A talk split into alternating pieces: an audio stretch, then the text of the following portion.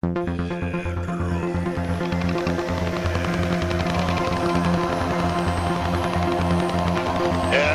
particularly pleased to be sending you this advanced greeting.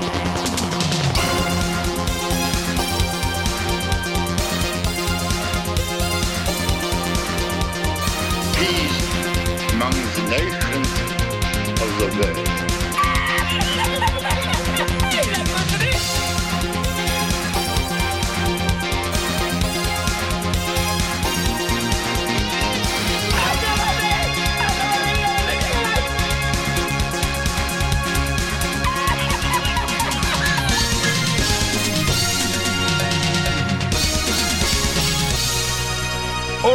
Äh, finska valet. Ähm, tänkte berätta, ge en kort uppdatering. Det var ju eh, ett tag sedan äh, vi spelade in sist.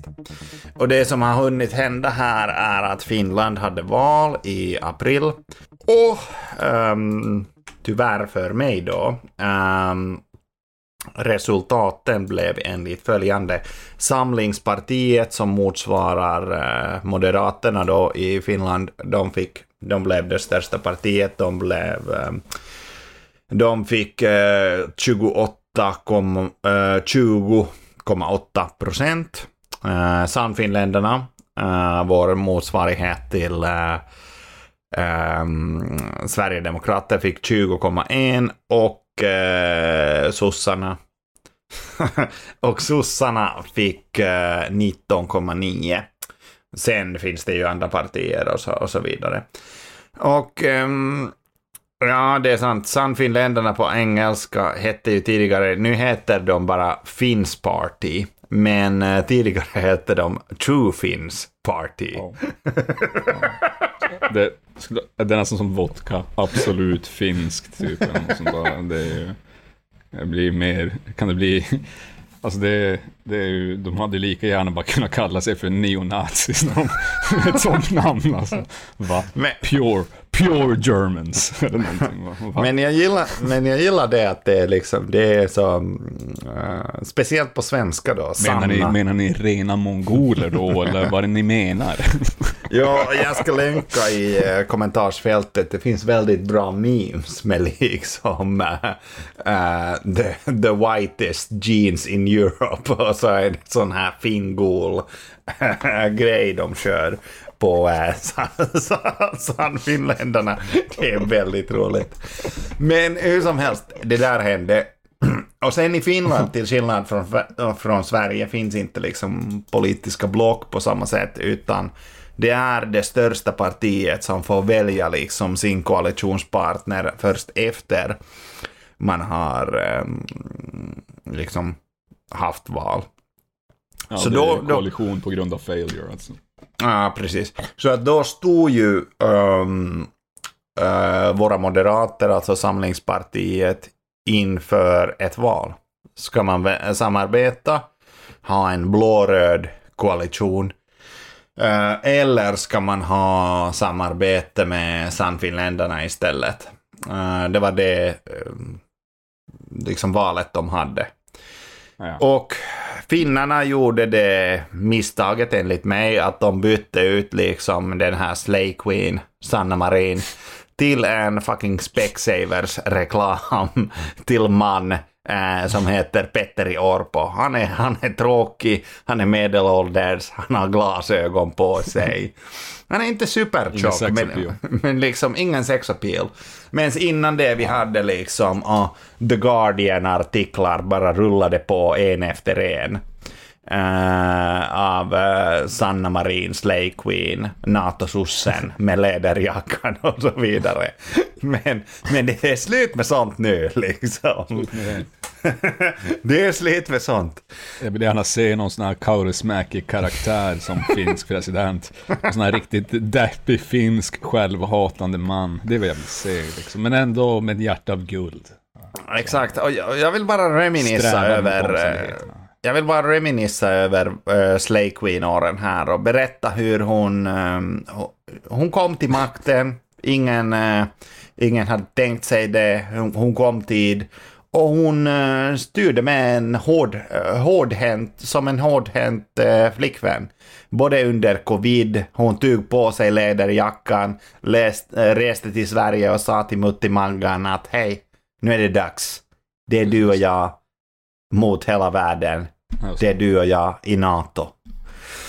Det, det var vackert. Ehm, sen så körde ju... Pernilla Wahlgren och Bianca av politiken. Visst. Alltså, och sen så körde... Duo. Tyvärr så högern körde ju sitt spår eftersom de äger medien i Finland och det blev en jättedum skandal med så kallade mjölgänget. Där eh, det släpptes ut såna här partyvideor från Sanna Marin där tydligen någon av deltagarna skriker “Vill ni ha mjöl?” Nå, för det första, ingen kallar kokain eller något annat för mjöl. Det, det, vore, det är helt fucking absurt. Varför Ja. har du mjöl? Eh, så då... och, och ni, ni som sitter och lyssnar nu, prova, prova öppna Wicker eller någon annan sån här suspekt messaging app ni har och skriv till Abdi eller eh, till Abdullah och skriv har du mjöl och kolla vad som händer. Funkar det? Jag tror inte det kommer att funka. Ja, nej, alltså det är, det är en gamble om det kan vara anthrax du får, alltså vem fan vet. Det, jag vet inte. Mjöl. Just Uh, ja, men det är intressant, men det, det visar ju bara att i Finland så är ni ännu lamare än vad vi är i Sverige. Va? Mm. Det säger att ni tar mjöl som drogreferenser. Det, det är som en sån här, eh, en mamma som öppnar upp sitt barns TikTok och så ser de något TikTok-slang, där något internet-slang och bara Oh my god. Vad betyder det här? Det här är en child sex ring liksom. Är min barn någon jävla prostituerad på the black market liksom. Och så blir de helt galna och ringer polisen. Det, det, är, oftast, det är oftast bara någon bullshit. Det där är mjöl, vad kan vara mjöl vara kodterm för bland, eh, bland riktigt lama, lama sossar som bara dricker alkohol? Vad är det här för människor? Va? De är politiker, de är above the suspicion of the law. Varför bryter de inte mot lagen konstant då? Det är de enda ledarna jag litar på. Ja. Helvete. Boris Johnson, han har sina fester under covid. Det är en man som utnyttjar sina privilegier och så straffar vi honom för det. Vad fan är det alltså? Herregud. Vill vi inte att han som kungar på feodala tider ska få leva lite gott alltså? Vad är det här för någonting? Vad Nej, är jag poängen med att vara ledare? Men, men jag ska säga att efter den här skandalen så har man faktiskt börjat använda mjöl som, eh, som en grej blir- för att, du vet, man anammar liksom det här dummaste som fanns. Fan, nice. så, så nu heter det hej, jag vill ha ett gram mjöl. Exakt. Ni, eh, ni som ska resa till Helsingfors i sommar, eh, så ni vet, eh, det heter jauho på finska. Eh, och Det låter ju ändå mjölgäng... coolt för en svensk det. Och, och Oh, yeah. de, de kallades för mjölgänget. Um, så mjölgänget på finska blir jauho-gängi. Uh, Det låter som någon japansk skit det här. Gengi. Men sen tänker jag också, det låter som Wagner-gruppen, du vet mjöl. Jävligt vettig, ariskt. Ja. Det är kodord här. Är, är, finns, det en, finns det en koppling mellan mjölgänget och... ja, eller finns det, finns det koppling mellan eh, som vänner som jag har, som Tim, eh, som Ja, det finns det garanterat. Ett annat mjölgäng han är del av, så att säga. Men, Ja, och att jag har aldrig liksom registrerat det där. Jag bara tänkte att okej, han hänger med sitt mjölgäng och, liksom bara low droppar och det- nämner sina jag menar om ariska det finns kompisar. en bananmjölkshöger så kan det väl lika gärna finnas en jävla mjölkgängs eller mjölgängshöger också. Makes no fucking sense för mig. Men, Ja, men who knows liksom. Uh, men i fråga om eh, före detta premiärministern Sanna här. Förutom att slänga på sig en läderjacka och chilla med uh, Mutti Maggan. eh, vad gjorde hon för någonting? Gjorde hon något bra? Ja, eh, då, jag skulle ändå säga att de hanterade covid ganska bra. Ehm, hon, eh, hon var som en... Hon, hon En påminner bra om... store manager. Ja, precis. Eh, hon, uh, hon styrde med hård handske liksom. Och uh, det är någonting perverst i det, men, men jag gillar ändå det. Men och vad det gjorde ser- hon som var, vad var hårdhandskarna här? Hade hon några speciella regler som hon förde in här? Ja, alltså de stängde till exempel ner uh, Nylandsregionen som motsvarar Stockholmsregionen, så du kunde varken åka in eller ut dit. Ehm, Oh, så ja. det, var, det, var tuffa, det var tuffa regler. Prison Island. Fan Ja. vad nice. Exakt, exakt. Men, men, gi- men gjorde hon det här, det här hade varit drömmen. Tvingade hon folk att bli vaccinerade? Det är det här jag vill se. Jag vill se riktig vaccin authoritarianism. Jag vill att se att vi spänner ner folk nu, när det är dags. Nej, inte, inte tvingade, men hon var Tvi- vi ska väldigt tvinga mycket på så. modernitet på folk nu. Hon var väldigt mycket så. Det jag minns från de hår, hårdaste liksom, covid-månaderna var när hon, hon sa att nu är det inte läge att åka på sommarstugan. Och det lät det. faktiskt väldigt mycket som ett av mina ex-flickvänner, om du sitter och lyssnar.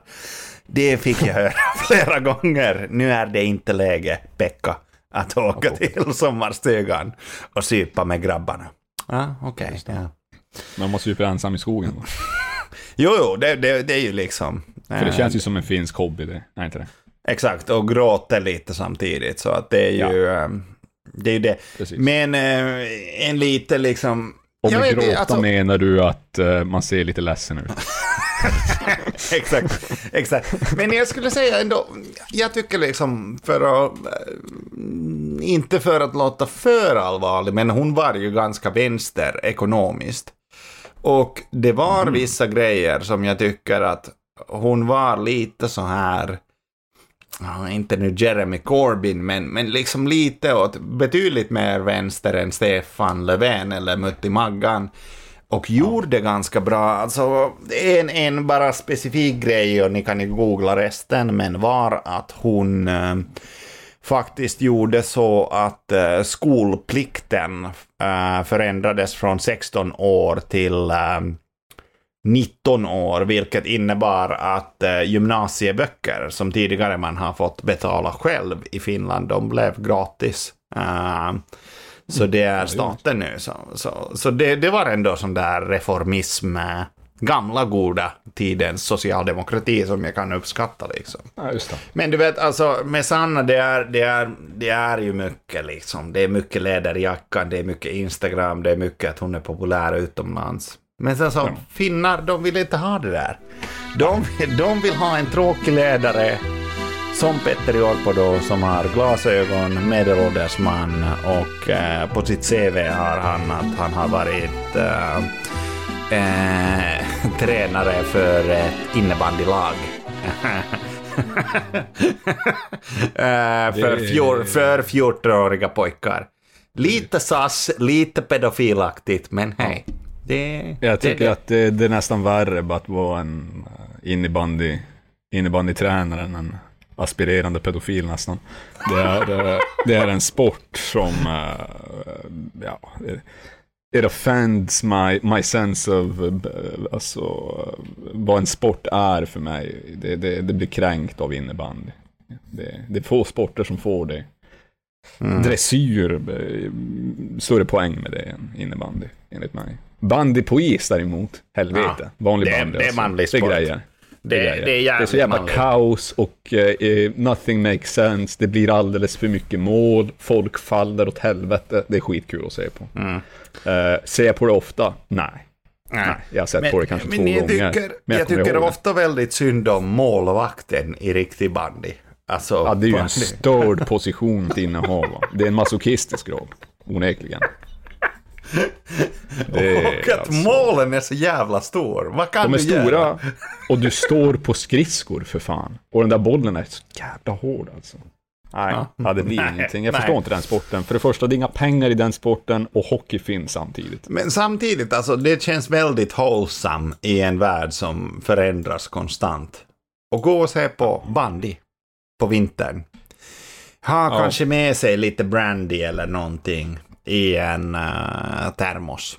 Uh, flaska. Men, men, kan fro, men kan bandy frodas där hockey existerar? Det, om det finns ett hockeylag i samma stad där det finns ett bandylag. Det känns som att eh, det här är, folk fördelar sin tid här på hockeyn. Mm. Det är sant. Det känns som att hockey dropouts hamnar till bandin. Ja. Dock så gillar jag att det är större plan, typ. Eller planen känns jag vet, stor, vet, stor som fucking- fan. Alltså. Fucking fotbollsplan. Exakt. Så det blir, man kan göra lite moves och shit. Det är ju nice. Och att det kan bli, de får upp fart och, och Men hela grejen att de är utomhus när man ser det, det är, jag vet inte, det är någonting ballt med det. Det är bara, jag tänker bara, du har en, du har en rink ute i skogen så det är bara träd överallt. Nej, jag håller med. Fan vad. Ja, Det är någonting charmigt med det. Får besök av dig varje dag Det där var mig och jag ville bara reminissa lite över uh, Slay Queen och uh, Mjölgänget där. Och uh, jag ska, jag ska bara, Socialdemokratins fall i Finland. och jag ska, jag ska bara säga som, som så att ehm, det som hände, jag var hemma i Finland eh, i april, eh, typ direkt efter valet. Och då var det fortfarande öppet huruvida den här Specsavers-killen skulle välja. Skulle han välja högernationalister eller skulle han välja att göra ett liksom blårött samarbete tillsammans sossar och moderater i samma regering? Det har hänt förr i Finland, det har hänt i Tyskland med Merkel och sossarna där. Och ibland har det funkat, ibland har det funkat sämre. Men hur som haver. Och då träffades jag med, eller, eller liksom jag var i samma umgängeskretsar, hade en hel kväll ute med såna här, um, vi kan kalla dem för konsultklassen. Uh, Ja. så, så det var liksom, det var, det var folk som bor i Helsingfors centrum. Eh, de alla jobbar som konsulter. De spelar paddel. De eh, drar cola på helgen. Och de överväger att köpa en bostadsrätt i centrala Helsingfors. Och då, jag, jag skådar, jag tittar på dem och jag tänker att okej, hej. Nåja, de här, de är inte vänster. Uh, Pekka. De är inte vänster alls, men de har ändå bra värderingar.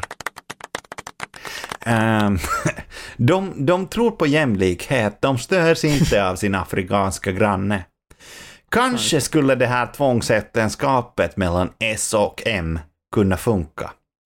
Så, så, så vi, vi, vi hade en förfest, jag och dem, och eh, vi, drog, eh, vi drog vidare till, eh, till Kaiku, som är, Kaiku är eh, en uh, nattklubb i centrala Helsingfors som är liksom peak så här uh, blårött uh, samarbete och så vi drar in i taxin. Det är en karaoke-taxi och den här låten kan vi höra i bakgrunden.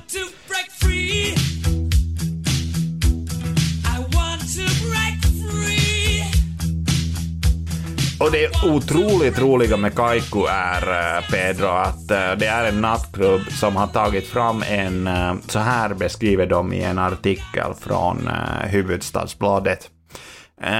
De har tagit fram en innovation för att förebygga bland annat sexism, rasism, hatretorik och trakasserier in i nattklubbslokaler. Och, och det som det går ut på är att utöver bouncern, alltså dörrvakten till klubben, de har också en samtalsexpert vid dörren som berättar om klubbens värderingar innan, innan, innan du går in. Eh, De håller vid varje kund som kommer in. De håller eh, så, okej, eh, vi har dörrvakten som kollar läge, gör det vanliga, kollar om du är för full. Men sen har de en samtalsexpert som, hem, som läser upp från en lapp det här. På Kaiku accepteras inte sexism, rasism, funktionsfobi, homofobi, transfobi eller trakasserier eller hatretorik. Uh, går du med på klubbens villkor? Och då måste man som besökare säga ja, jag går med till klubbens villkor. Min fråga hade varit, måste jag göra någonting särskilt för att gå med på det här? Om inte, ja okej. Men om jag okej, varför har vi det här samtalet om jag inte måste göra någonting? Alltså, men har de, har de poliser som går omkring där inne, det vill säga moralpoliser då, som kastar ut folk som, jag vet inte, ut, eh, ut, eh, som har beteenden som strider mot de här värderingarna? Nej, eller? nej. nej, nej, nej, nej, utan det är Du bara- lägger för det är hårt här bara- nu, ditt jävla psykfall. Det, det är bara ett steg som de har för att kunna bekräfta att du har förstått att de inte accepterar till exempel funkofobi. Och sen om du går in och liksom säger ah, ditt fucking CP där inne, då kan de bara boom, ut från klubben. När du kom fast in, sa Okej. Men om jag säger ett jävla CP och jag står i pissoaren. där, och, jag är ensam i pissoaren förutom jag och vakten liksom. Så. Nej, vad händer? Nej, jag, jag förstår ingenting. Det där låter, men det låter ju som ett kul jobb. Jag hade velat ha det jobbet. Det låter som ett sjukt bra jobb. För du behöver inte göra någonting, låter det som. Det låter, dessutom låter som att du, eh, du är en papegoja basically. Det kräver ju ingen alltså, arbets, arbetskraft eller moral. Nej. Och sen så nämner de också det här att eh, om någon inte ger ett godkännande att bli rörd på dansgolvet så får du inte röra dem. Och att man ska undvika att filma folk Vad menar vi med att röra här då? Helt enkelt. Alltså, Alltså, med sin beröra. hand. Jag tror, att handen. det, jag tror att det händer man syftar på. För det är mycket på dansgolv att folk bara... eh, Det är trångt alltså. Mm. Folk rör varandra hela tiden på dansgolv. Alltså bodies collide. Ja, men jag, alltså, så här, ja, jag tror de flesta fattar vad det är. Det, Ja, men alltså, det är sådana här frågor man ska börja dampa med, för då kommer man ju definitivt inte komma in för det första. Men, men också, då får du första gången den här jäveln göra någonting på sitt jobb, vilket är att förklara vad fan det är de menar. Pedro bara, hej, hej, hej, vad menar du med beröra? Är det även om jag råkar ramla och ta i någons... eh, Ja men typ om jag går förbi dig liksom. så här och sen så stryker vi mot varandra. Det är ju tekniskt sett beröring, men är det här beröringen ni talar om? Va? Vad är det för beröring det talar om? Va? Ja, det är bra. Det är och- bra. Man, man ska alltid in. Men, men det jag gillar det är att den här uh, nattklubben, den har terms and conditions som du har varje, med varje program eller varje webbsida på internet till en Så de har en fysisk person grej. nu som är the terms and conditions guy. Alltså en fysisk person. fysisk person vars jobb är att läsa upp terms and conditions varje gång Mm. Precis. någon går vet, in. hans jobb kommer ju att ryka först med hologrammen. Kommer ju bara ha ett, vet, ett two-pack hologram där som läser upp terms and conditions. You cannot harass the bitches. Och så vidare, och så vidare. Det hade varit skitkul ifall Tupac berättade till mig varje gång jag går in för klubben. Don't be racist man. Jag bara okej Tupac, I won't be racist. Alltså jag hade gått med på det ifall Tupac hologram hade sagt till mig sådana saker. Fett nice. Men jag vet inte, jag tycker att det var extremt roligt att det är just den här liberala headquarters som Men har den här... godkände du alla de här kraven på det då? Absolut, jag behövde ju komma in. Uh, Ja, men, men sen så bröt du mot dem på en gång antar jag. ja. Du är ju, du är ju en mongol trots allt och vi vet ju, Jag, eh, det var vi vet vad deras sexual funkofobismen. practices var. Då. Ja, det var funko- Funkofobismen. Ja, funkofobismen. Tog så- rullstolar och... Exakt. Sa, sa till min kompis att han, han behövde gå ner i vikt och såna här grejer. Så här, direkt, Du, pow. du borde bara dricka klar, alltså genomskinlig sprit för att du är lite fet. Klassisk girl trash tänker jag, fast mycket, de säger det säkert på ett mycket mer elegant vis. Exakt, exakt. Men vet du vad? Det är liksom, vi kom in till klubben, vi hade väldigt roligt och sen så går klockan liksom vidare mot eh, det, är, eh, det är midnatt, vi har roligt, vi tänker att ja, hej, kanske det här samarbetet mellan S och M kan bli riktigt bra. Jag bara så, jag vet att ni inte vänster ekonomiskt, men hej, det är i alla fall inget problem med att Abdi står med oss här i toakön. De tittar ju lite konstigt på, på mot Abdi. Men de säger att ja, ja, nej visst det är ingen problem med att Abdi är med oss här. Men när jag upptäcker att liberaler visar sina true colors är när klockan är 2.43 inne på toakön och nycklarna kommer fram. Och Pekka är i en situation där Pekka inte har en eh, nyckel själv. Och Pekka frågar Hej Petteri, eh, skulle jag kunna få eh, låna lite av din nyckel här när jag går in? Och då säger Petteri nej. Du, din fucking sosse. Du kan, du, du beskattar mig 52% i månaden. Varför tror du att jag skulle vilja dela nyckel med dig? Och då förstår jag att solidariteten finns inte inom Liberalerna. Och Pekka tittar på hela gruppen, alla har sagt nej till att Pekka ska få, få en liten, en liten fucking bit av en nyckel liksom. Och hör den här låten in i sitt huvud.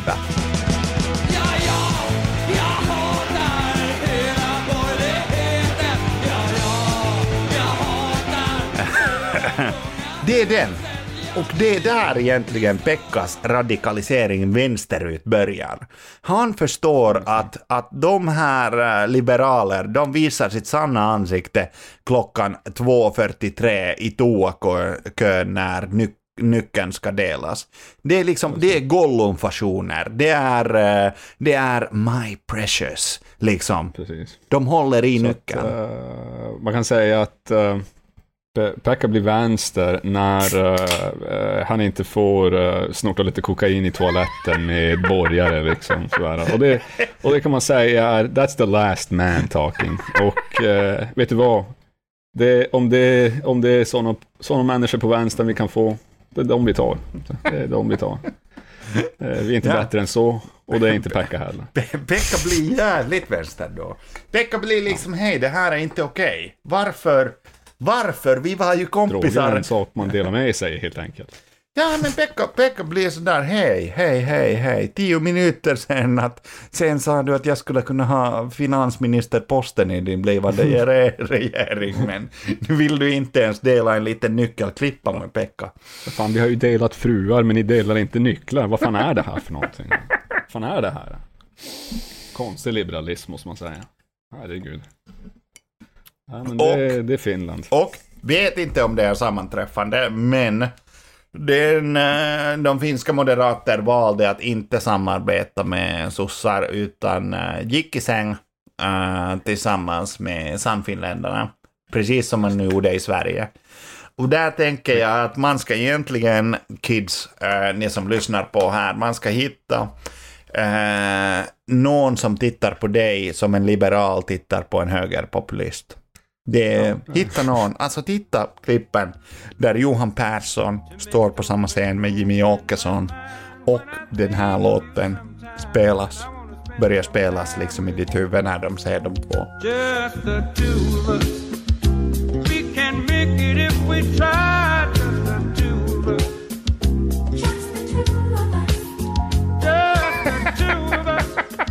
Alltså, jag vet inte, jag tycker att eh, det, det mest troligen är så att Socialdemokraterna är för dåliga att knulla. Va? De måste hitta nya positioner, de kanske måste läsa Kamasutra igen. Va? Eh, för att få tillbaka borgerligheten, för i slutändan så är det ju borgerligheten som alltid knullar sossar i röven. Va? Så att, eh, jag menar, det är ju bara att eh, försöka bli den partner som borgarna vill knulla i röven igen. Så blir det bra. Och eventuellt alltså, vi får... Vi, vi, det, det är lite vad jag tycker om sossar. Va? Att, eh, de gillar att bli knullade i röven av borgare. Va? vi, vi, får ju, vi får ju se hur det går med rövknull eh, här framöver, men en, en, en, en retorisk fråga egentligen är att tror du Pedro, finns det någonting som en liberal inte är beredd att sälja? För att eh, jag har tittat på våran, eh, våran gamla vän här, Fredrik Kopsch eh, från Timbro. Han som hade eh, den här hela grejen med att eh, lajva Foodora chaffis och så. Han har kommit med ett nytt eh, förslag. Visst är det konstigt att vi inte river alla gamla kyrkor i centrala Stockholm och bygger bostäder istället? Varför gör vi inte det?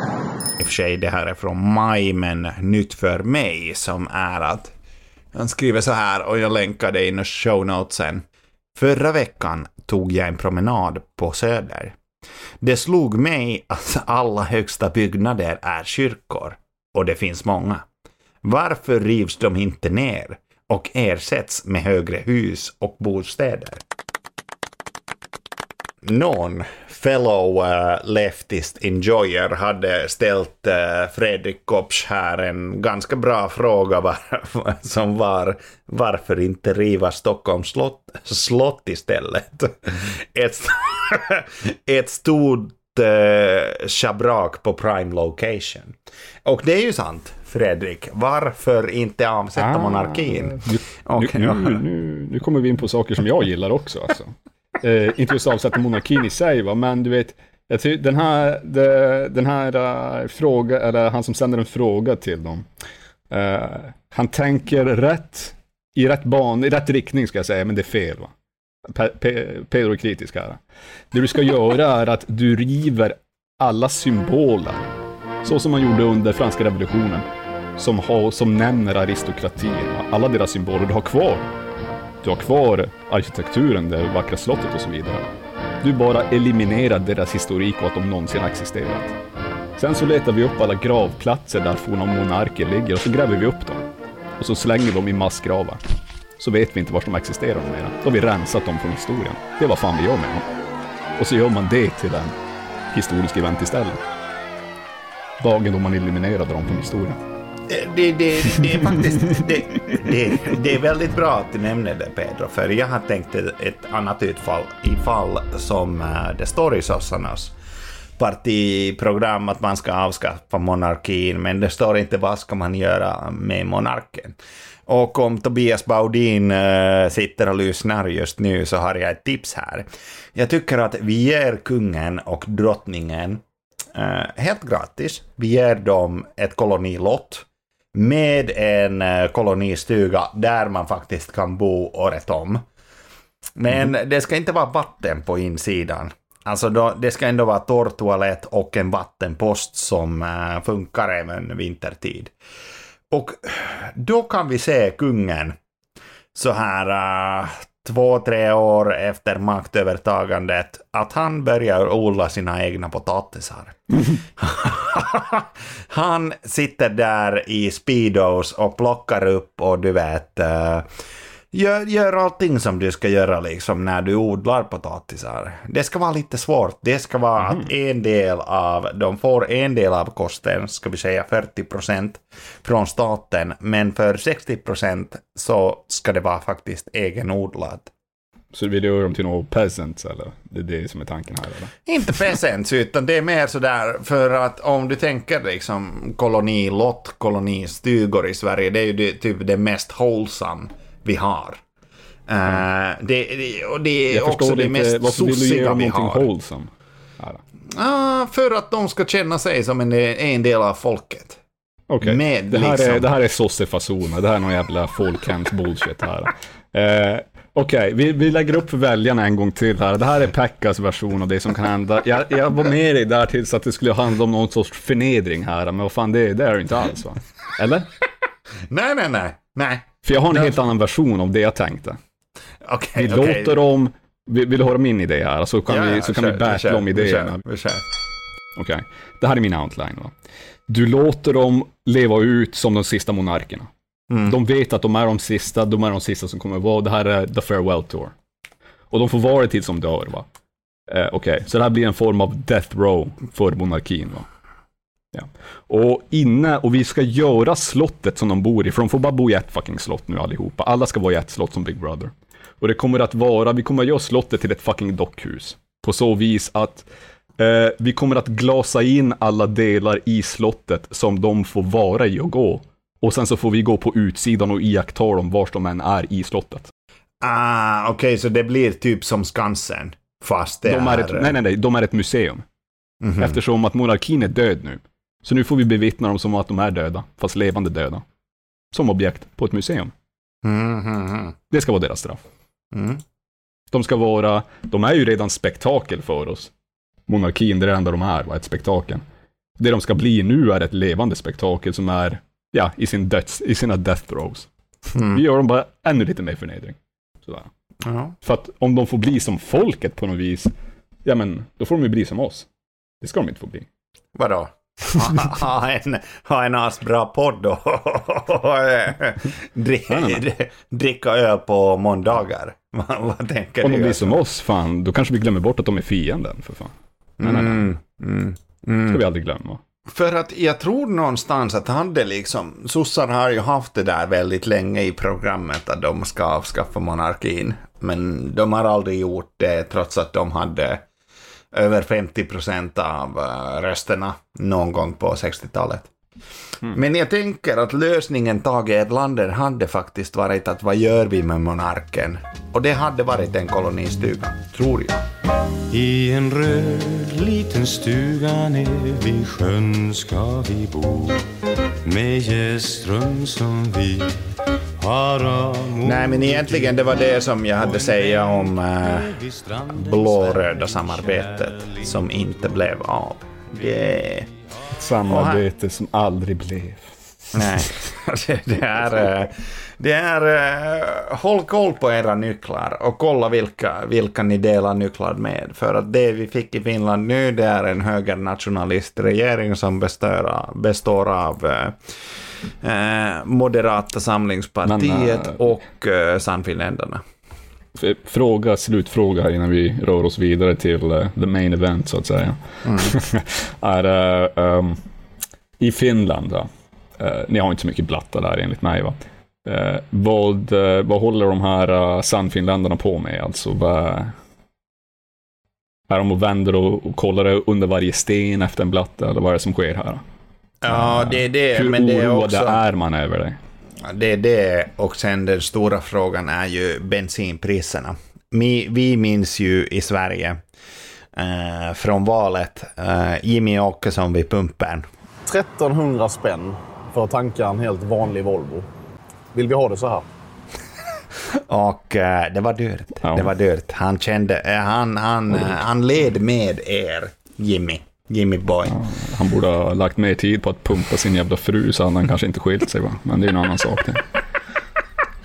Så är det med traditionella män va. De kan inte pumpa sin fru va. Så då måste de stå där vid bensinpumpen va.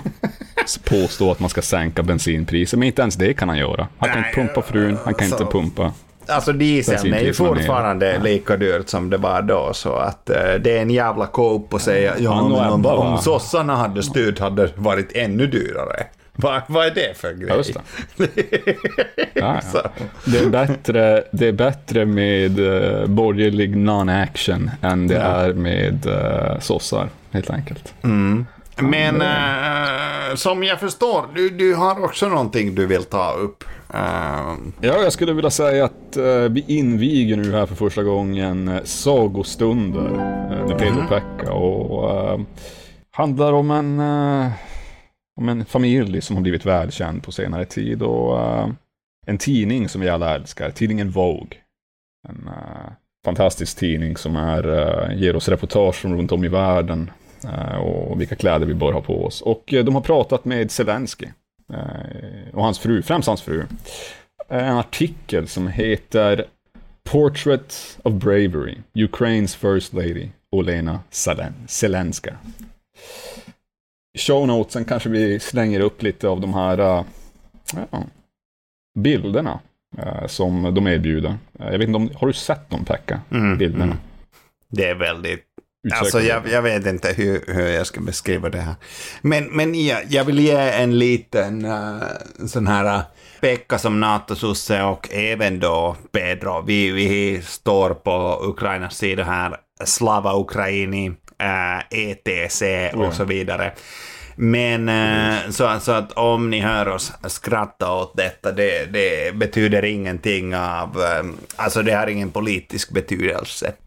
Utan det är bara... Nej, det har inte att göra med, eh, med den materiella verkligheten av krig, så att säga. Nej, det här handlar om Zelensky in Vogue, som jag skulle vilja kalla det. Eh, och eh, jag vet inte hur vi ska börja här. Man kan säga att inledningsvis måste man säga att eh, eh, de försöker som etablera eh, den här Zelenska då som en väldigt modern First Lady. Va? Hon tar initiativ, hon leder, men samtidigt är hon väldigt traditionell och moderlig. Va? Hon, eh, hon, eh, de säger att eh, typ i den här i den här kristiden så har hon typ en, vad ska man säga, typ en, en banbrytande och modern eh, så här insats i krigsförhållande, det vill säga att de fokuserar på mental health. De håller på att träna poliser och så vidare. Och sådana saker, det är säkert fine. Liksom. I att kunna då fungera som typ socionomer eller counselors liksom, för folk. Va? Eh, på något vis. Liksom. Jag vet inte vad fan det handlar om riktigt. Va? Men de börjar så och då menar de att ja, hon är en originell first lady, hon är genuin, hon är autentisk. Va?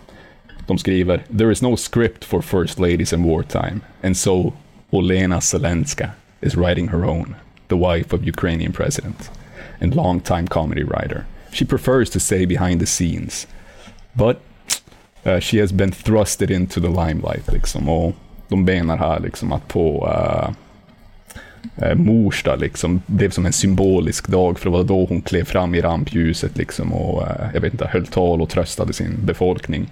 Iklädd i olika då, klädesplagg som eh, symboliserar jag vet inte, deras struggle och nationen och så vidare. Sådana saker typ.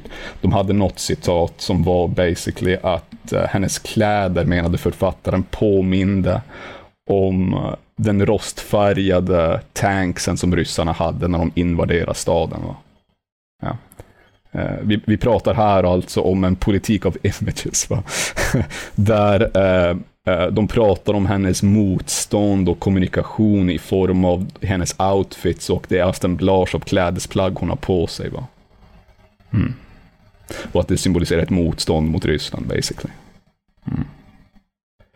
Och att hon är ansiktet då för Ryssland, eller för Ukrainas sorg, basically. Liksom att hon anammar och axlar den och känner den. Känner den för folket. Och folket känner hon att hon känner det och så vidare. Och så vidare sådana saker som pågår i den här artikeln lite grann. Uh, uh, så det är, alltså, det är en jävligt pervers artikel. Va? Det, det är väldigt konstigt. Va? Alltså, de gör någon konstig form av konsumtion här av alltså, estetik, krig, sorg och samtidigt en mytologisering liksom, av henne som en modern, alltså kvinnlig ledare som tar på sig byxorna liksom och inte bara är en kvinna som står i köket. Va? Alltså in, inte för att gå full Goebbels här. Men uh, det, det är ju ganska bra propaganda om vi tittar på bilden och uh, ni, ni som lyssnar. Alltså, alltså stand, äh, vänta, vänta, vänta. Pedro, det, ja. det, finns en bild här som heter ja. Standing Strong. Zelenska mm. at the Antov airport in Hostomel with a group of female Ukrainian soldiers. Och alltså, den där bilden, det, det, det, skulle bokstavligen, man brukar ju ha en meme om att alla bilder kan bli till en albumcover. Men det här ja. på riktigt ser ut som en fucking albumcover. Varför ja. tittar hon högerut, uppåt. den andra vänsterut och en uppåt? Det, Så hon typ på sig någon slags blå och gul så skin på sig där de klär ja. så, ja, det, det är absurt. Någon annan hon sitter i trapporna där bland så här, äh, så här skyttegravssäckar eller vad fan det är ja. runt omkring ja. och så grejer. Sitter och posar där. Det, ja, det är helt fantastiskt enligt mig. Va? Uh, hur de... alltså det kanske är effektivt, jag har absolut ingen aning. Men det, det, det som slår en är ju liksom hur fucking crazy det här är. Uh, just det reportaget, alltså jag sitter och tänker typ att, tänk ifall Vogue gick in till uh, så här, jag vet inte, när Nelson Mandela och grabbarna höll på att terroristbomba i Sydafrika. Mm. Så går de in i deras läger och så bara, kolla vad Kolla vad Mandela har på sig för skor. Kolla på de där byxorna. Kolla nej, på nej. den där hatten. Nej, men, men vänta, vänta. Uh, Mandelas uh, skor har faktiskt, och det, det kan vi kolla upp senare till uh, shownotesen, men de har blivit en grej i Sydafrika. Det är en Nej. speciell brand Nej. som kör såna här Nelson Mandela-skor. Och här, här kan Pekka också äh, doxa sig själv så mycket. mig själv nu alltså. Pekka kan döda sig, äh, Pekka kan doxa sig själv så mycket att Pekka har ägt ett par Nelson Mandela-skor som var tydligen, alltså, alltså det var modellen av sneakers som Nelson Mandela hade på sig under sin vistelse i fängelset. Riktigt snygga sneakers. eh, vita, eh, lite svart. Eh, precis som eh, Precis. Boer Men ville det är, ha som Sydafrika. Lenin, det är ju som Lenin-lemonaden va? Mm. Lite så. Men eh, ja, alltså, i alla fall när jag satt och läste om allt det där, för de går igenom lite mycket liksom att hon går omkring i media, visar bilder liksom på ja, men, kvinnor och barn som sörjer och sådär. Det, det som slår en är att hon utför en sorts emotional labor, eller en emotional performance of labor i alla fall. Alltså, det är som att hon framför andras emotional labor, alltså i folkets namn på något vis. Uh, och det blir som del av något informationskrig antar jag. Alltså i form av att skapa stöd, då tänker man från USA och Europa. Uh, ja, jag vet inte. De framställer typ också mannen, alltså Zelensky, som alltså att Eh, han är klädd i en down to, down to earth in his famous olive drab t-shirt. Liksom. Vilket enligt dem är som en väldigt viktig facett i hans form av informationskrigsföring, då som de kallar det, i den fria världens namn, säger de. En fri värld också som Ukraina inte är del av eftersom att de inte får inte vara med i EU och de får inte vara med i NATO. Va? Så de ska representera västerländska värderingar genom att motstå Ryssland och de gör det med de här klädesplaggen och så vidare. Och så vidare. Och informationskrigsföringen, men de får inte vara med. Det är humor. Mm. Det måste suga för dem. Att de ska slåss för den fria världen, va? men de får inte vara del av den. Nej, men då får Rumänien, väldigt... Rumänien får vara med, Ungern får vara med, Polen får vara med, Ukraina Mm. får inte vara med. nej. Nej. Humor. Men du vet, de får en väldigt snygg artikel här i Vogue. Ehm, Precis. Ja, alltså det får de ju. Men det, det som är ganska kul i den här artikeln är att de tar upp den här spänningen, va? Att den här artikeln är konstig. Att det finns en spänning i att göra en, en artikel om fashion och krig. Det är jävligt märkligt. Alltså jag ska se om jag kan hitta det där citatet. De tar fram det, men sen så gör författaren en sjukt konstig jämförelse för att då frigöra sig från Eh, att det här är på något vis groteskt. Liksom. Eh, så här är citatet från då, eh, eller det som författaren har skrivit här. It is strange to talk about uh, Ukrainian extermination in a Ukrainian fashion in the same conversation. And yet, this is the cognitive dissonance of today's Ukraine, where designers and professionals of all kinds are mobilizing at home and abroad to support their country. That cognitive dissonance is especially true in Kiev, where you can sip a matcha in a cafe and drive an hour to Buka to visit a mass grave. It is hard to get its head to get one's head around it all. Så hon jämför att du kan dricka kaffe och sen så åka till en massgrav med att eh, de har blandat ihop reklam, fashion och krig och sorg i en sak. De jämför de två sakerna. mm. Det är fucking insane enligt mig. Ja. Eh, för det första. Men hon erkänner ju där på en gång liksom att det här är insane det vi håller på med här. Eller? Ja, kanske, men det Eller blir, så, det där? det blir så grotesk eh, jämförelse det här med att, eh, ja, hej, vad, vad blir västerländska värderingar då? Blir västerländska värderingar faktumet att du kan dricka, vad var det, matcha? Ehm, som de nämnde. Det, är det vi krigar för. Vår frihet att kunna, kunna, kunna dricka matcha. ostört från massgravar. Helt enkelt, då hade det varit fine. Men alltså, det jag inte gillar med alltså, den här jämförelsen, va? Alltså, för det hon kallar för kognitiv dissonans handlar det inte alls om egentligen. Det handlar om bara alltså, en contradiction och att det är moraliskt dekadent. Va? Men alltså, eh, det, det enda likheten mellan de två sakerna hon pratar om är att båda är kulturell konsumtion. Va? Alltså att i ett tillstånd av kris, va? till exempel kulturell konsumtion av Selenka som någon mytologisk ledare eh, i, i form av konsumtion av kläder som ska representera, jag vet inte, motstånd till krig eller liberation eller någon sån där jävla bullshit. Eh, men sen så att du drar en jämförelse av de sakerna där du gör alltså, i det fallet, så gör de en karneval av, alltså de förlöjligar någonting väldigt allvarligt, det är vad de håller på med nu va.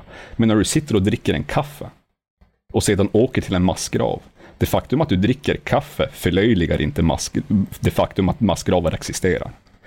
Det enda som skulle förlöjliga massgraven till exempel, är att du gör en fucking turistattraktion utav det och börjar ta betalt och far dit och ta bilder med dig själv. Då skulle du göra det på samma sätt. till en grotesk karneval. på samma sätt som de har gjort i den här artikeln av kriget. Va? Men det är ju inte det som sker i exemplet som hon tar upp. Va? Det är ju bara ett sätt att frigöra sig själv från något fucking ansvar. Liksom. Om vi ska vara lite allvarliga om, alltså, även om det här är en extremt rolig artikel, va? så är det ju också en extremt grotesk artikel på något vis, att den ens kan bli skriven. Eh, eller att de ens, Zelensky och hans fru ens tänker liksom, ja men det här är en bra idé. Va? Att göra det här. Det här är ändå människor som har varit i entertainment liksom. Ja, jag vet inte. Alltså det var det där. Um... men ja. Ni får tänka att det, det de dör för det är eh, rätten till eh, Espresso House. Ja, Alltså det...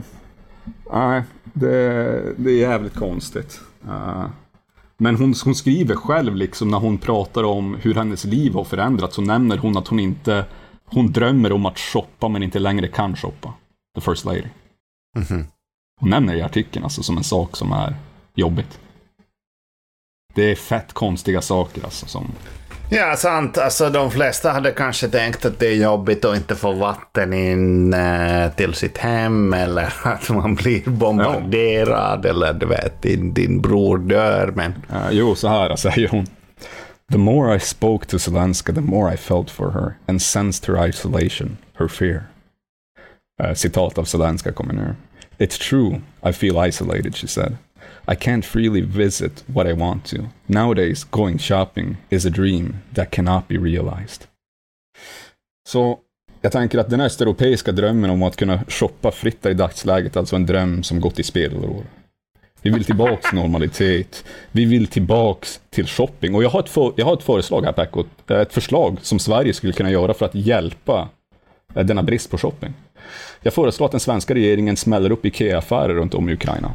Och sen så försvarar svenska trupper de här IKEA-varuhusen så att inga jävla ryssar kommer dit. Och vi försvarar dem med svenska vapen. Ja, visst. Ja, visst. Och så serverar vi köttbullar och mos. Perfekt. ja, Då får vi lite normalitet till det hela. mm. Må hända att det faller bomber och så vidare, men shopping, shopping är säkrad. Bra förslag. Eh, min fråga där, eftersom det är IKEA-vapen, måste man montera dem själv? ja, det måste man. Men du vet, kommer du inte ihåg den här japanen som sköt ihjäl Abe där? då? Det var en jävel som monterade ihop sin skit. It can be done. Och han hade ingen IKEA-manual att hjälpa honom. Nej, nej. Ja, det är was from sant. scratch. Inte för att IKEA-manualer brukar hjälpa så mycket. Det är liksom den sant. här gubben som ser jävligt kluven ut. jävligt kluven ut och sen så står du där med fem, fem stycken kru- skruvar när du skulle ha sex liksom. Ja, det, ja det, det är tufft alltså.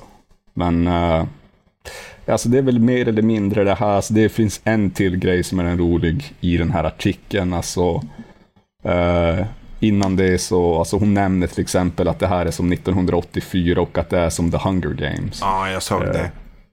Vilket jag tycker är lite intressant eftersom att, eh, och det är inte att säga att det inte är hemskt det som händer om, det är jävligt hemskt det som händer om. Grejen är att 1984 så är det en strid inom landet och det skulle betyda då att enligt henne så är Ukraina egentligen en del av Ryssland. Det är det det skulle betyda. Och i The Hunger Games är det samma sak, det är citizens från det egna landet som blir bestraffade. Samma sak där, är Ukraina del av Ryssland? Va? I hennes logik, det är fucking, det, det är stupid. Eller i det andra exemplet skulle det kunna vara 1984, va? att du vet, de har ju fyra olika riken som växlar mellan att kriga mot varandra, så är Ukraina bara ett annat imperium som ingår i ett fejkkrig mot Ryssland. Alltså, du vet, hennes exempel funkar inte eftersom att det hon menar är bara att det händer hemska saker dem. Va? Men hon kan ju inte ha fattat alltså, vad böckerna handlar om eller filmen handlar om. Va? Ifall hon jämför med deras situation eftersom att det är krig mot varandra, inte ett jävla inbördeskrig eller förtryck inifrån. För de är ju inte ryssar, för i helvete. Så det var lite kul. Eh, men sen är det ju det här när de börjar prata om, för det här visste ju inte jag, och det här visste ju Pekka säkert, innan jag läste den här artikeln. Att eh, han spelade någon jävla eh, lärare i en tv-serie som sedan blir president. Och det här tycker jag ju liksom, varför handlar inte artikeln bara om det? Alltså? Det hade ju varit genialt. Alltså, man går igenom alla outfits han hade på sig i, showen och ser vilka outfits han har som president i verkligheten och så jämför man vilken som är snyggare. Alltså det finns ju eh, hur mycket content som helst där. De hade kunnat göra. Ja, och den, eh, den fanns tidigare på SVT Play. Jag ska kolla. Eh, vad, det- vad det hette, jag tror att Servant det var uh, Folkets tjänare. Servant of the Eh, Servant of the People. Och den, eventuellt så finns den fortfarande på SVT Play. Japp, det gör den. Uh, tacka gud för public service. Så ni där... Kanske att vi kommer att se den i framtiden och ge er... För ni, ni ska inte behöva plåga er själv med att se någon... Ja, bara- alltså den var faktiskt... Ja, jag har sett eh, första säsongen och jag måste... här, här måste jag liksom uh, tycka annorlunda än... Av SNL-programmet. Nej, nej, av um, Zelenskis, uh, folkets uh, tjänare. Den var... Precis, men det är en annan bra. grej. Det, det var ju... Inte, fan, alltså en lärare som blir en president. Mm. Det är en bra serie. Jag har svårt att tänka mig det. Alltså. Ja, men, men eh, jag säger så här, uh, Vi kommer, att se, vi kommer att se den sen, Pekka. Och nej, nej, vi kommer att se den tillsammans sen när vi träffas, Pekka. Och om den är dålig när vi ser den, du kommer att få höra det varje avsnitt och vi kommer att se hela. Men vet du, det, det var Du ganska, får det var ganska bra. hela vägen Det, det var ganska bra. Och du det sjuka, det blir sån sjuk meta-level att han sen på riktigt i verkligheten, inte i tv eller så, han blir alltså, han blir landets president. Det är det som är det sjuka. Och de, de tar upp Och- alla grejerna, de tar upp liksom ryska oligarkerna och allting i den. Jag skulle säga så här då, Pekka. Eh, Det är det här, alltså den frågan som, eh, som kommer till mig när jag läser det här. eh, Det är liksom att, okej, han är en man, han, idag är han en president. Innan han blev president så spelade han alltså en lärare i Servant of the People. Han är en dissident, gedigen dissident, eller hur? Han blir fucking famous och blir en president. Okej. Den omedelbara frågan för mig blir den här då. Hade han kunnat bli president utan denna gestaltning av the servant. Av en person som blir president. Och vad fan betyder det när en person som avbildar en president i massmedia legitimiserar skådespelaren för att sedan bli president? Och sen ytterligare en fråga. Vad fan betyder det när konst, reklam, politik, alltså tv, allt det där kollapsar in i varandra och blir samma sak? Kan vi prata om verklighet då? För, för att konst ska kunna existera så måste konst vara skild från verklighet. Va? Och vice versa. Om de inte är det, kollapsar in i varandra på det där viset, va? Då har de ingenting. Va? Det är transestetik, vad fan det är. Konst är överallt, politik är överallt. Och då är de ingenstans. De finns inte. Så frågan är ju liksom den här, vad är det som gör att han är eh, president? Jo, det faktum är att han kan spela, han kan ge oss bilden av en president. Eftersom att det enda som spelar roll, som de säger i den här artikeln, är att han är en effektiv kommunikatör. Han är inte särskilt bra på någonting annat, för att han, jag kan ingenting om honom, så jag tar bara det artikeln säger här. Och så det är därför han blir president. Eftersom att det enda du behöver kunna göra är att spela en president. Eftersom att makt är att kunna spela det man ska vara. va. För vad Men- kan han göra i den här situationen? Ingenting. Han kan be USA och EU att göra saker, men han kan inte göra någonting själv. Så då behöver du en kommunikatör som president, det är det bästa de kan ha. Men gäller det inte oss alla? Donald Trump. Ja, det där gäller, att det som, det som sägs om honom gäller all politik. Alltså Berlusconi var ju långt före alla de där, Reagan var långt före dem. Va? Arnold Schwarzenegger före dem alla. Men ehm, om jag vill liksom vifta min Ukraina-flagga som jag har här hemma Mm. eh, lite grann och, och säga så här att, att de Gucci. och, och, och, de, alltså, alltså eh, Reagan och de eh, snubbar som, som på ytan ska vara bra kommunikatörer, de blev aldrig testade. Eh, och det har ju Zelensky onekligen blivit. Och han har bara blivit bättre och bättre kommunikatör. Eh, och jag tror faktiskt att hade liksom... Alltså Eller visst var Reagan inblandad i krig och så, men han var ju aldrig i den sitsen att han får sitta i en fucking bunker med såna här sandbags liksom runt omkring sig. Jag vet inte om han hade klarat av det. Jag vet inte, alltså, jag vet heller inte om svåra omständigheter eller lidande i sig gör dig en bättre ledare som så. Eh, Nej, men det... Så, alltså, alltså, om vi ska vara ärliga, det här, är en, eh, det här är en man som, alltså Reagan hade ju i alla fall någon politisk erfarenhet, va? eller hur? Mm. Han har gjort jobbet någonstans. Va? Den här mannen har inte gjort ett shit innan det här va? Nej, nej, men uh, sett till det så har han ju klarat det väldigt bra skulle jag säga. Jag vet inte, alltså... Vad har han... Jag menar, han kan ju som inte göra någonting på egen hand. Va? Menar du att han är bra i form av att han håller moralen uppe, eller? Ja. För det är det som en krigsledare ska göra, eller hur? Jag vet inte. Vad vad andra alternativ har en krigsledare för ett land Alltså som i, inte... i hans, i, i den situationen enligt mig, alltså det, de som gör jobbet är ju eh, de som utför jobbet. Ja, ja. Det är generalerna. Ja, Generalen och armén, han är ingenting. Det faktum att det är fokus på honom är ju för att han fungerar på samma sätt som en kung fungerar. Va? Det är en symbolisk sak, alltså en Mm. Ja, symbolisk utan något djup. Va? Exakt, men det är en bra symbol, det är det jag vill säga. Jo, liksom. jo, men det jag menar är att i en sån position så kan du ha vem fan som helst. Och det är det som är det tragiska. Va? Du kan ha Ja, vem men fan som jag, helst. Jag va? tror inte man kan ha vem fan som helst. Du kan ha vilken idiot som helst som är bra på att kommunicera, vad fan det nu betyder. Va? Det som kan, för mig alltså, att kommunicera har att göra med en sak för det mesta, och det är karisma. Karisma har inte, jag vet inte om karisma har någonting med kommunikation att göra. En bra kommunikatör är någon som kan få sina idéer förstådda, enligt mig. Va? Men det är inte det som är en bra kommunikationsledare i politik. En bra ledare i politik som är en kommunikatör är någon som förför dig. Någon som får dig att begära saker. Begära deras ideologi, begära deras drömmar. Att genomföra deras arbete. Att gå i deras håll. Folk kan kanske identifiera sig i honom. Han spelar, du vet. Mm.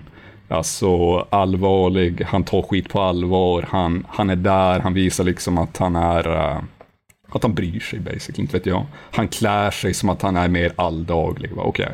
Så, Men det är advertising. Nej, jag vet inte. Det, det är bra, bra I'm a, ha- I'm a advertising, hater. I'm just a hater alltså. Jag, eh, jag har svårt att se någonting speciellt med sådana figurer. Va? Liksom, är, han i, är han i en position som är tuff och så vidare? Ja, onekligen liksom. Tycker jag att han är en person kanske som... Jag menar, jag skulle inte vilja ha honom som ledare för mitt land i en sån situation, det kan jag ju säga. Jag skulle inte vilja ha en fucking komiker, en funny man där. Nej tack. Va? Mm, men kolla, kolla så här. Alltså, man ska, jag skulle hellre ha honom än uh, vår ledare. Tuffe Uffe. Kristersson. Ulf Krister. Ja. Jag vet inte, alltså Uffe och hans fru tar ju samma typ av bilder alltså. Jo, men ser de lika bra ut? Fan. Hur ser de bilderna ut? Nej tack. Eh, Sant? Men, eh, men du vet, det var Aftonbladet som tog de bilderna och inte Vogue, vet du. ja, men det finns också en anledning att, eh, vad fan hette hon, Birgitta finns inte med på Vogue. Och hon Precis. finns med på Vogue. Ehm, Men det hade hon inte varit heller ifall inte Ryssland invaderade Ukraina, för ingen bryr sig om ja, Ukraina. men e- även om eh, Vi kan inte bry Ryssland... oss mindre om Ukraina utanför det här kriget tyvärr. Även om Ukraina, eh, Ryssland skulle invadera Sverige så tror jag inte att Birgitta Ed hade Nej. hamnat på Vogue. Alltså det, de har Nej, någon nej, typ av standard. Och eh, den standard, eh, den är för smal. Precis. Men Sverige, Sverige hade ju heller inte ens eh, hunnit, hunnit vara med i Vogue innan vi hade blivit övertagna för fan. För det hade skett inom ett par timmar för fan. Så alltså, nej men vi får se. Och, och vi kollar, det där blev ju långt snack därefter. Eh, jag håller med till dig uh, viss del. Eh, eh, Peter, Ja, alltså, den övergripande sympatin, kanske inte alla saker där i va. Men alltså Mm. ja, det är, det är någonting jävligt eh, märkligt med det hela. Alltså. Nej, men jag håller med att det kan ibland bli väldigt perverst. Eh, det kan det göra. Jag skulle mena att det här att media i sig alltid egentligen är CP-pervers, va? det är bara att det spårar ur med de här sakerna. Va? Så att det här, är, det här är som för mig, när jag såg det första gången, bara, jag började genuint bara garva och läsa den från början till slut i ett svep alltså. Captivating. Captivating. För mig är det liksom bara, vem har tänkt tanken att det här, det här är en bra idé? Alltså jag skulle göra det här som satir. Onekligen. Jag skulle lätt gå dit och låtsas vara en riktig journalist och få dem att göra det här och sen så bara lägga upp bilderna sen. Men du vet, ja, ja, jag vet. Men- Men samtidigt är man lite så liksom, de behöver väl all publicitet de kan få så att, eh, jag vet Ja, inte. fast jag vet inte, alltså hade jag varit en Ukrain, hade jag varit en svensk medborgare och sen så såg jag, jag vet inte, Ulf Kristersson hålla på sådär i tidningar, då hade jag börjat, då hade jag helt seriöst börjat undra, vars bor Ulf Kristersson och hur gör man eldbomber? Alltså det, det är basically det jag hade gjort va. Men Alltså, att, vänta, vad vänta, fan vänta. håller den här, håller den här idioten på Vänta, med, vänta, va? vänta, påstår du nu att det inte annars eh, går dig i tankarna? Eller finns i din Google-historik? Ab- absolut inte. Abs- jag tänker aldrig på sådana saker. Nej, nej, nej. Det- För att i Pekkas eh, Google-historik står det ofta var bor Ulf Kristersson och hur gör man eldbomber i samma fucking mening. Precis. Nej, men det var, det var, det var bra inspel. Och bara, bara som en eh, liten liksom tease här, eh, vad som kommer att komma under sommaren. Jag ska berätta här att eh, det, det Pekka kommer att prata om eh, är eh, hur, ni ska, hur ni ska koppla av. Eh, hur ni jobbar med eran reload. Eh, som boken heter, av Henrik Fexeus. För att även om ni är på semester, ni ska tänka hur ni bäst, quote on quote, laddar batterierna. Eh, det blir Pekkas Vi ska bli eh, bra sagostund. på att ta semester. Exakt. Visst är det den här idioten vad som gjorde de här böckerna om typ eh, hur man speglar folks beteenden Ja. och skapar rapport med dem och sånt där shit. Jag kommer ihåg jag läste den när jag var 15 och bara, det här är ju dumt. ja, det är samma typ. Det är samma typ. Han Och är sen, en eh, mentalist, tror jag du sa Ja, va? ja, han är mentalist och vi kommer komma in på det. Och sen en, en annan grej som jag har tänkt att kommer hända här i sommar, det är att, eh, och det är lite djupare, jag och Pedro kommer att ge, läsa Julius Evola Ride the Tiger, Cavalcare la Tigre, eh, för era italienska chills. Och ha våran första eh, gäst i podden med oss då. Jag vill inte avslöja vem det är, men det är en eh, expert på, eh, på, på italiensk fascism från eh, 1920-talet. Så att det är det. Har du någonting du vill avslöja, Pedro?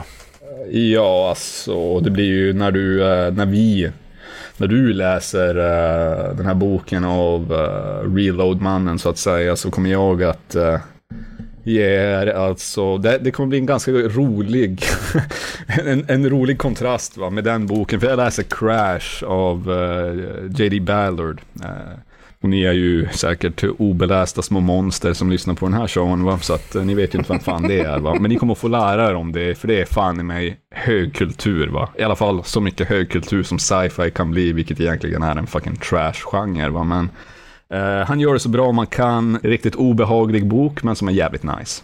Mm.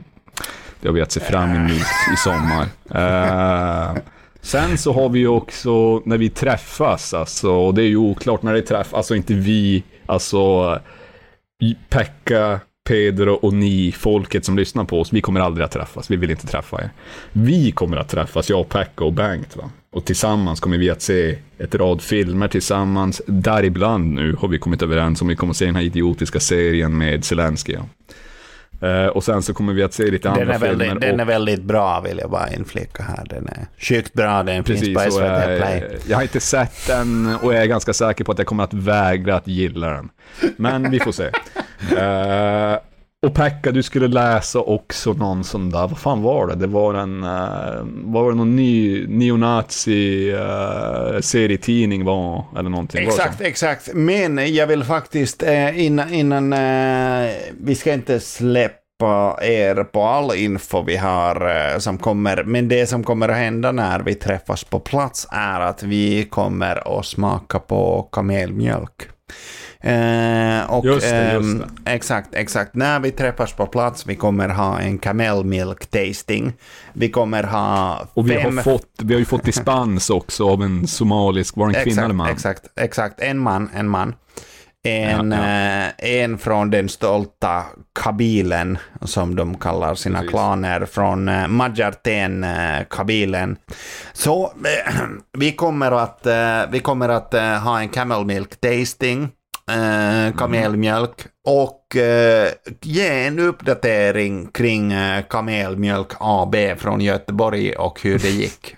Um, vad, vad kan vi använda kamelmjölk till? Eh, tydligen Hur mycket väldigt mycket. rännskita kommer en person som, har, som är laktosintolerant som jag att få av det? Va? Alltså Exakt, med eh, exakt, exakt. latinamerikanska gener så rinner allt laktos bara rätt igenom en. Alltså det, Exakt. Det är inte bara det, utan tydligen, och det som kommer, vi kommer komma in på i avsnittet är att också kamelmjölk kan bota autism. Eh, ja. Jag menar, Exakt. och det kan jag tänka oss att alla våra lyssnare har en, mer en gnutta utav det kan vi säga.